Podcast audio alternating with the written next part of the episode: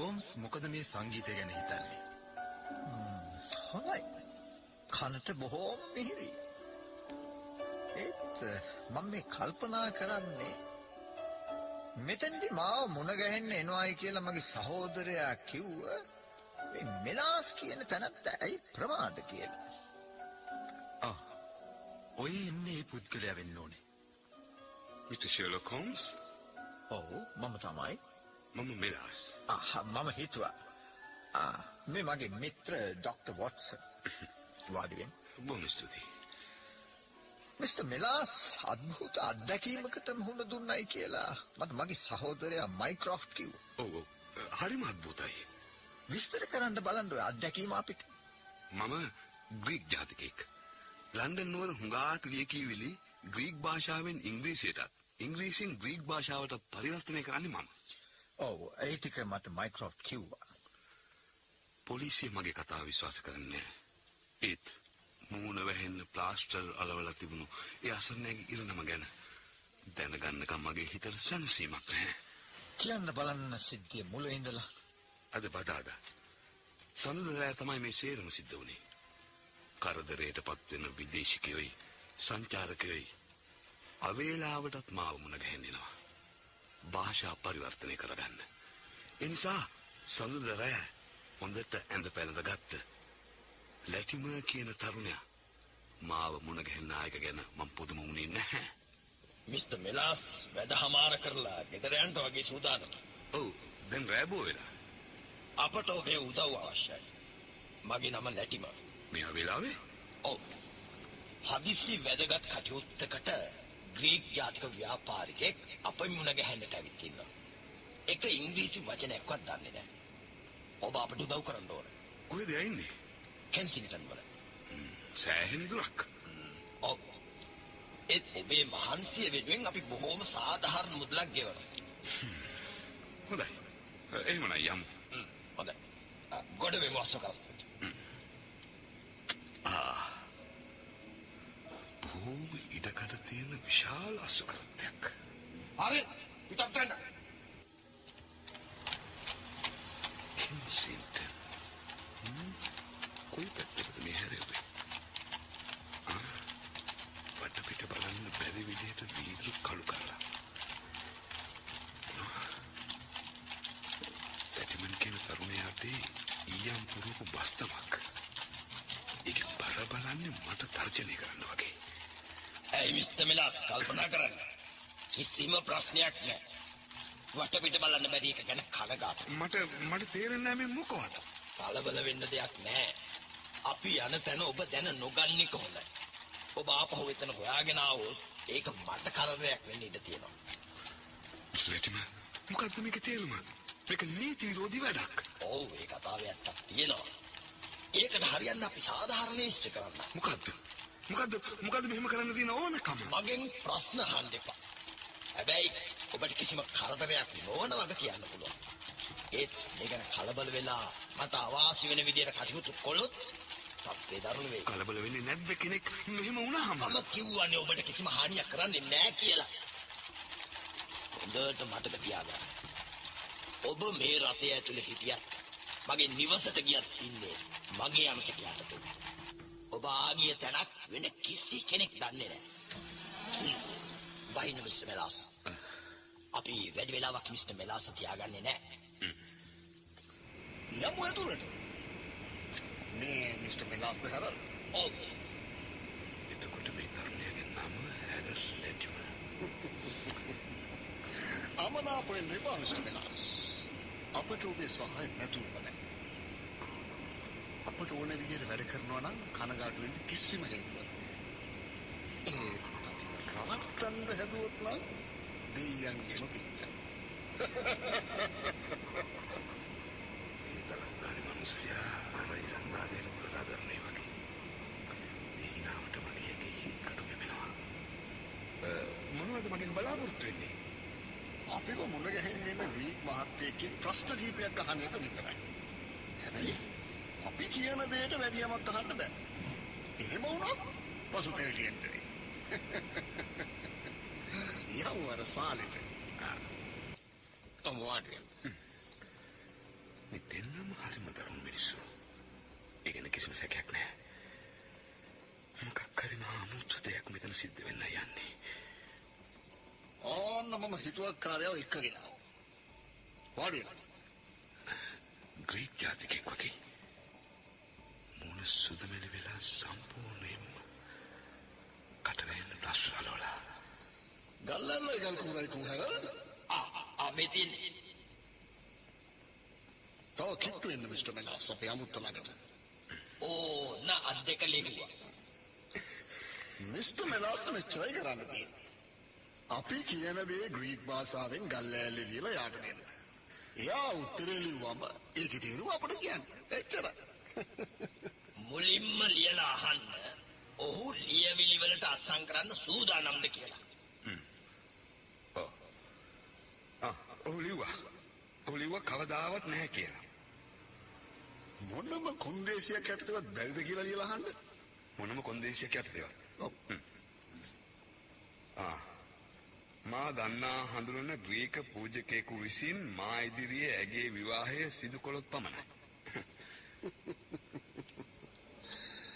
එහෙනම් ඔබ දන්නව ඇති ඔබට වෙන දේ.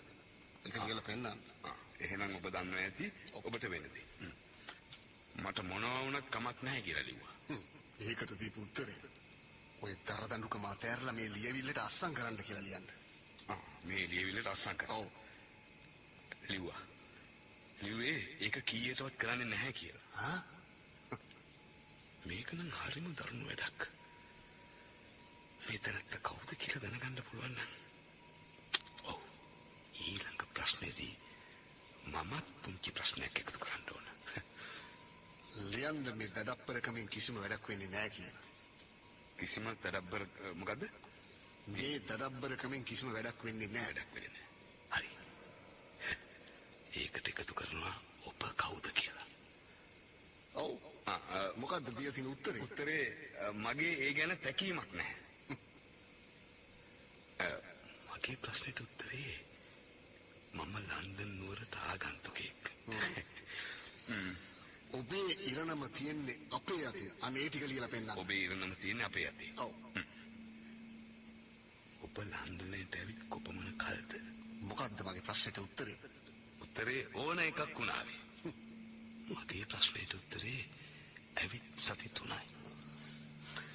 ඔය දීපල ඔබ ළඟ තියාගන්න අපි ඉඩ දෙන්නේ නැහැ කියලා ලියලා පෙන්නන්න. ආහා. ඔය දීපල ඔබ ළඟ තියාගන්න ඉඩ දෙන්නේ නැහැ. ඔව්. දැන් මං එකතු කරන්න ඕන මොකක්ද ඔබට වැළඳී ඇති රෝගී කියලා. ආ. ඔව්. මොකද්ද මට උත්තරේ දීලා තියෙන්නේ? එය තක්කඩින් නමට ලියන්න බෑ කියලා කියනවා. හ්ම්. ඔවුන් මා ආමතේ තබනවා. අස්සන් කළොත් ඔබ නිදහස් කරනවා කියලා ලියන්න. ආ හරි හරි. මගේ ප්‍රශ්නේ මොකක්ද මේකේ? ආ මෙහෙම ලියනවා. ඔව්. මම කවදාවත් අස්සම් කරන්නේ නැහැ. මගේ ප්‍රශ්නෙට උත්තරේ මම දන්නේ නැහැ. ඔබ මේ ඇයට කරන්නේ යහපතක් නෙවෙයි. අන්න ඒක ලියන්න. ඔබ මේ ඇයට කරන්නේ යහපතක් නෙවෙයි. ඔබේ නම මොකක්ද? මම එහෙම එකතු කරනවා. ආ හරි. ඔව් ඒ- වගේ මට කියන්නට ඇයට ඉඩ දෙන්න. ඒකට උත්තරේ මිනිහගේ නම ප්‍රාටීස්. අස්සන් කළොත් ඔබට ඇව මුණ ගස්සන්න. ඒක පෙන්වන්න ලියලා. හ්ම් අසංකලොත් ඔබට ඇය මුණ ගන්න. ඔව්.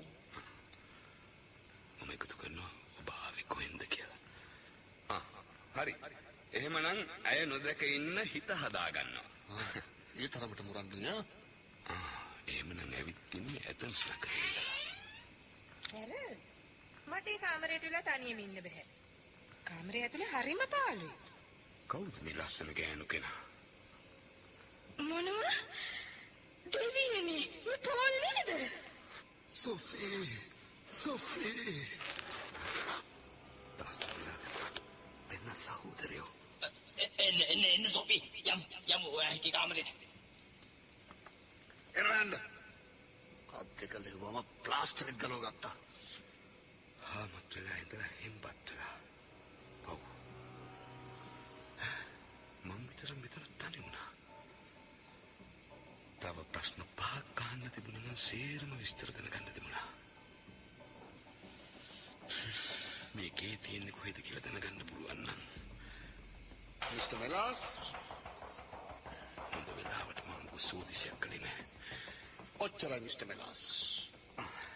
දැන් පේනවා ඇති බොහෝම පෞද්ගලික කාරණාවකට ඔබේ සහයෝගය ලබා ගන්න සිද්ධ වුණා වගේ. ඔව් ඔව්. ඔබට කරදර කරන්න අපට සිද්ධ වුණේ මේ ගනුදෙනුවට මුල් වුණ අපේ ග්‍රීක් කතා කරන මිත්‍රයා හදිසියෙම පිටරට ගිය නිසා.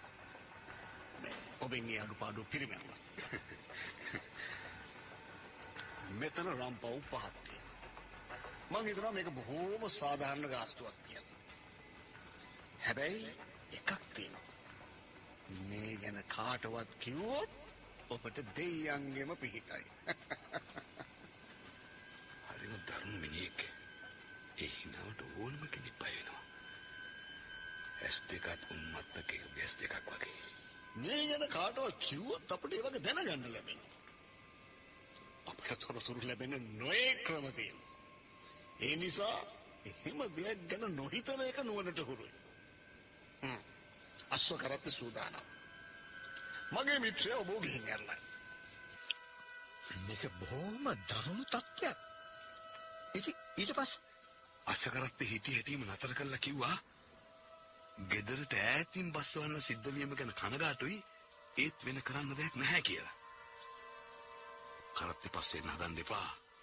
ඒ ගැන පසුතැවිලි වෙන්න වෙයි කියලා තර්ජනය කරා. ඔව්. ඔය කියන විදිහට ඒ තර්ජනය ක්‍රියාත්මක කරන්න බැරි උදවියක් නෙමෙයි. ඉතින් එහෙම කියලා කරත්තේ දොර ඇරියා. මම බහිනවත් එක්කම කරත්තේ සුළු වේලාවකදී නොපෙනී ගියා. වටපිට බලනකොට මං හිතේ ලඳු කැලෑවක් මැද ඈත එළියක් දැකලා මම ඒ දිහාවට ආවා. ඔව්. ඉතින් ඊට පස්සේ ඒක දුම්රිය පොලක්. හොඳ වෙලාවට පැය භාගකින් කෝච්චයක් තිබුණා. ඔනෝකයි මගේ අත්දැකීම. මොකද්ද මේ ගැන මේ දක්වා අරගෙන තියෙන පියවර? මෙන්න මේ පත්තරේ දාපු දැන්වීම. ඔබ කියවන්න බලන්න වොට්සන්. ඇතැන් සිට පැමිණි ඉංග්‍රීසි කතා කළ නොහැකි පෝල් ක්‍රාටීට්ස් ග්‍රීක ජාතිකයා පිළිබඳ තොරතුරක් සපයන අයෙකුට ත්‍යාගයක් පිරිනමමි. මුල් නම සොපීවන ග්‍රීක කාන්තාව පිළිබඳ තොරතුරක් ඉදිරිපත් කළ හැකි අයෙකුටද එවැනිම ත්‍යාගයක් දෙනු ලැබේ. ඔය දැන්වීම සේරම පුවත්පත්වල පළ කළා. ඒත් පිළිතුරක් නැහැ. ඔබේ අයියයි දැන්වීම දැම්මේ මිස්ටර් හෝම්ස්. ග්‍රීක තානාපති කාර්යාලයෙන් අහලා බැලුවේ නැද්ද? විපරම් කරලා බැලුවා.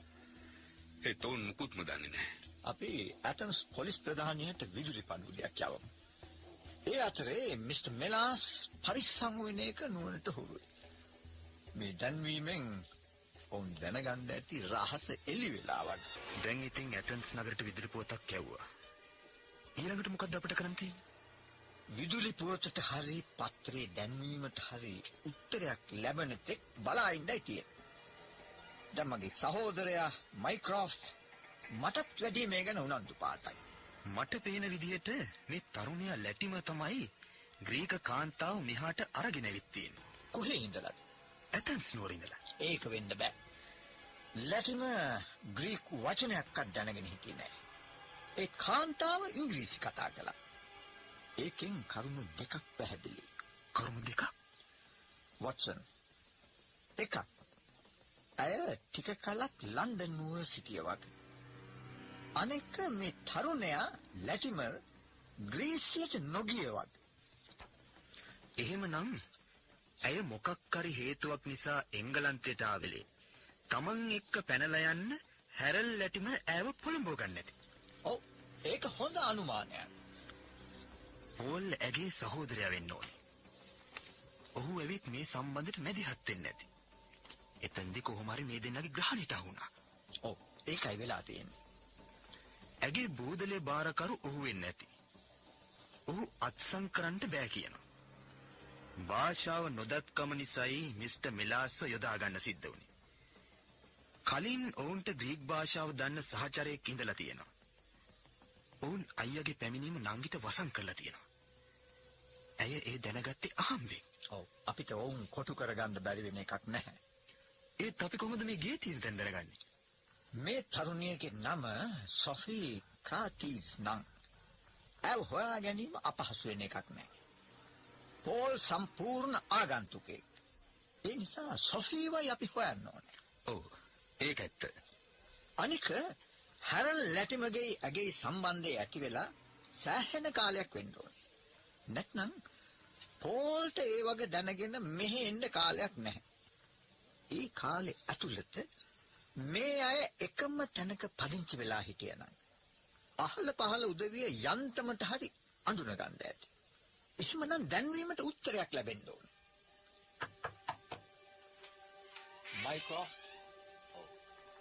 ශලොක් දන්න ඇති මම එන්න හේතුව ඔව්. පත්‍රේ දාපු දැන්වීමට උත්තරයක් ලැබිලා. මොනවද ඒක තියෙන්නේ?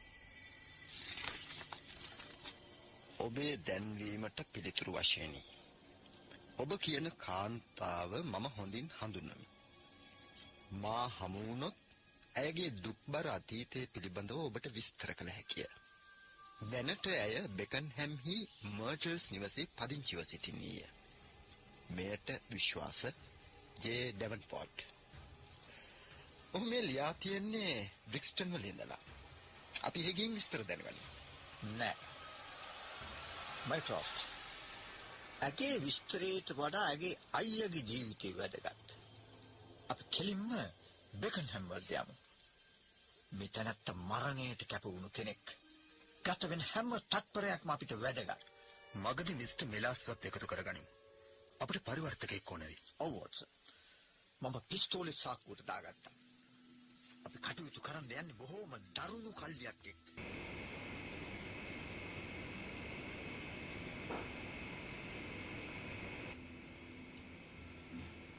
ඒකට කලින් කවුද ඇවිත් මිලාස් මහත්තයා එක්කගෙන ගියානේ? යන්නේ කොහාටද කියලා කිව්වේ නැද්ද? නෑ. තවත් මහත්තයෙක් එක්ක අස්ස කරත් එක නැගිලා ගියේ. උස කඩවසන් තරුණ කෙනෙක්ද? නෑ. කන්නාඩි දාපු දෙගොඩ හරි වයස කෙනෙක්. වැඩි උස මහත නෑ. නිතරම hina වෙවි තමයි කතා කළේ. යම් යම්. අත්ත දරුණු. මේ මිනිස්සු ආයෙත් මෙලහසු අල්ලගෙන. හැටි දැඩි මිනිහ නෝන වගේ දන්නවනේ. බය කරලා අරගෙන ගිහින්. ආයෙත් සේවය අවශ්‍ය වෙලා ඇති. ඒත් ඊයේ කරපු පාවා දීම හින්දා දඬුවම් කරන්න ඉඩ තියෙනවා.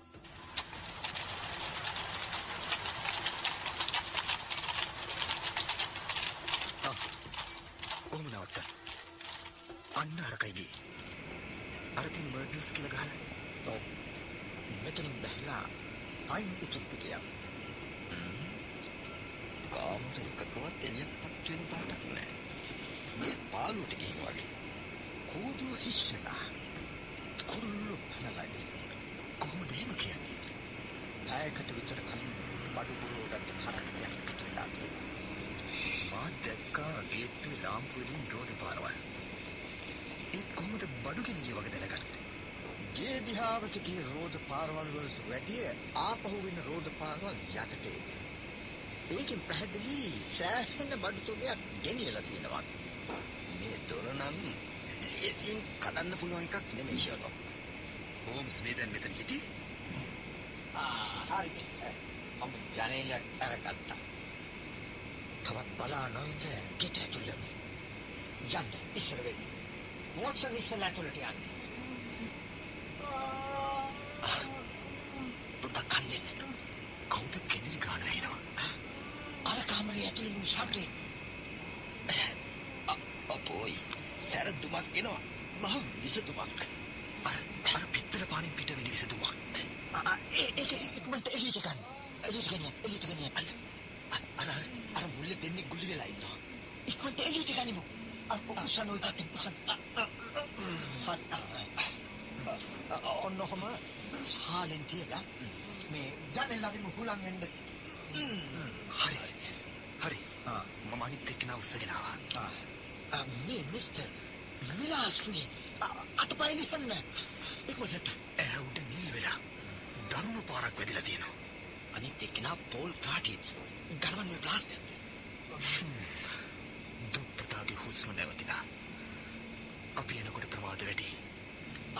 අන්න මිස්ටර් මෙලාස් ඇස්සරල වැළුවා. ඔය ඔය පත්තරෙන් පවන් ගහන්න. ස්ටෝම්ස් ඔව් බය වෙන්න දෙයක් නැහැ. දැන් බය වෙන්න දෙයක් නැහැ. වොට්සන් අද පත්තරේ බොහෝම වැදගත් ප්‍රවෘත්තියක් තියෙනවා. මෙන්න මේක කියවන්න. ඔය උඩම තියෙන බුඩාපෙස්ට් බලා යන දුම්රියක ගමන් කළ ඉංග්‍රීසි ජාතිකයන් දෙදෙනෙකු කේද ජනක මරණයකට ගොදුරු වී ඇත. දෙදෙනාම පිහියනුම් කා මිය ගොස් ඇති අතර ඔවුන් දුම්රියේදී දබර කරගෙන එකිනෙකාට පිහියෙන් ඇන ඇති බව හංගේරියානු පොලිසියේ අදහසයි. හෝම් සිතන්නේ මේ ලැටිමරු එයාගේ සගයයි කියලාද? ඒ ගැන කිසිම සැකයක් නැහැ ඒත් මට මේකේ අපහැදිලි තැන් තියෙන හෝම්ස්. හොඳයි අපි දැන් ඒ දිහා ආපහු හැරිලා බලමු ඊට කලින් කියන්න මොනවද වොට්සන් මේ ගැන දන්න කරුණු කියලා අර බය හිතන විදියට හිනාවෙන මිනිහා පිස්තෝලයක් පෙන්නලා මිලාස්ව බය කරලා දෙවෙනි වතාවටත් එයාව අරගෙන ගියා. ඒ වතාවෙත් පෝල්ට තර්ජනය කළා. ඉල්ලීමට එකඟ නූනොත් මරා දමන බවට. ඔව් ඒත් ඒ එඩිතර මිනිහව निराහාරව තියලත් තමන්ගේ අදහසට නම්ම ගන්න බැරි වුණා. අන්තිමේ දෙන්නවම බැඳලා දාලා විෂ දුමකින් ඉක්මනට මැරෙන්න සලස්සලා පැනලා ගියා. ඒත් සුපීට මොකද වුනේ? ඔව්. එංගලන්තේ තමන්ගේ හිතවතුන් පිරිසක් එක්ක නිවාඩුවක් ගත කරන්න ආව සොෆීගේ හිත දිනා ගන්න ලැටිමර්ට පුළුවන් වුණා. ලැටිමර්ගේ හැටි දන්න පවුලේ හිතවත් උදවිය සොෆීගේ අයියට මේ ගැන දැන්වා. ඊට වැඩි යමක් කරන්න බය වුණා. ඔව්. පෝල් ඉංග්‍රීසි නොදන්න එක වාසියට හරවගෙන ලැටිමර් තමන්ගේ සගයන් එක්ක එකතු වෙලා පෝල්ව තමන්ගේ හිරකාරයෙක් කරගත්තා. ඒ විතරක් නෙමෙයි. නොයෙකුත් තර්ජන කරලා දීපල ලියව ගන්න බැලු. ඒ පෝල්ගේ එඩිතරකම ඉදිරියේ පරාද වුණා. ඇයි ප්ලාස්ටර් වලින් පෝල්ගේ මූණ ආවරණය කළේ? අයියවයි නංගිවයි එකම වහලක් යටයි තියාගෙන හිටියේ. හදිස්සිය දැක්කොත් අඳුනගනී කියලා මූණ නොපෙනෙන්න ප්ලාස්ටර් වලින් වැහැව්වා. ඒ සොෆී තමන්ගේ සහෝදරය දැක්ක හැටිම අඳුනගත්තා. අශ්ව කරත්තය දක්කන මිනිහත් මේ ගැන දැනගෙන ඉන්න ඕනේ. ඔව්. සල්ලි හින්දා ඒත් නැත්තම් බය හින්දා මිනිහත් කට වහගෙන ඉන්න ඇති. ඒ වෙනකොටත් සුපීත් මේ අපරාධකාරයන්ගේ හිරකාරයෙක් වෙලා හිටිය කියලායි මට නම් හිතෙන්නේ. ඔව්. ඒක එහෙම වෙන්න ඕනේ. මේක පත්තරේ වැටුණු බව දැනගත්ත හැටියෙම තත්ත්වය හොඳ නැති බව දැනගත්ත. මේ මිනිස්සු රටින් පැනගත්ත. ඒ යන්න කලින් තමන්ට විරුද්ධ වුණ හැමෝටම දඬුවම් දීම අතපහු කළේ නැහැ. ඔය ඔක්කොම පැහැදිලි. ඒත් මේ හවුල්කාරයෝ දෙන්න දබර වෙලා එකිනෙකා මරාගත්තේ කොහොමද කියලා මට නම් හිතාගන්න බෑ. පෝල් ක්‍රාටීඩ්ස් හාමතේ මලත් තමන්ගේ අධිෂ්ඨානය වෙනස් නොකරන එඩිතර තැනැත්තෙක්. අයියගේ එඩිතරකම නංගි ළඟත් නොතිබෙන්න විදිහක් නැහැ. ඒ කිව්වේ හොම්ස්? ඔය ග්‍රීක් තරුණිය සොෆීව හොයාගන්න පුළුවන් වුණොත් ඈටත් ඇගේ සහෝදරයටත් කරපු වැරදිවලට පලිගත්තේ කොහොමද කියලා දැනගන්න පුළුවන්.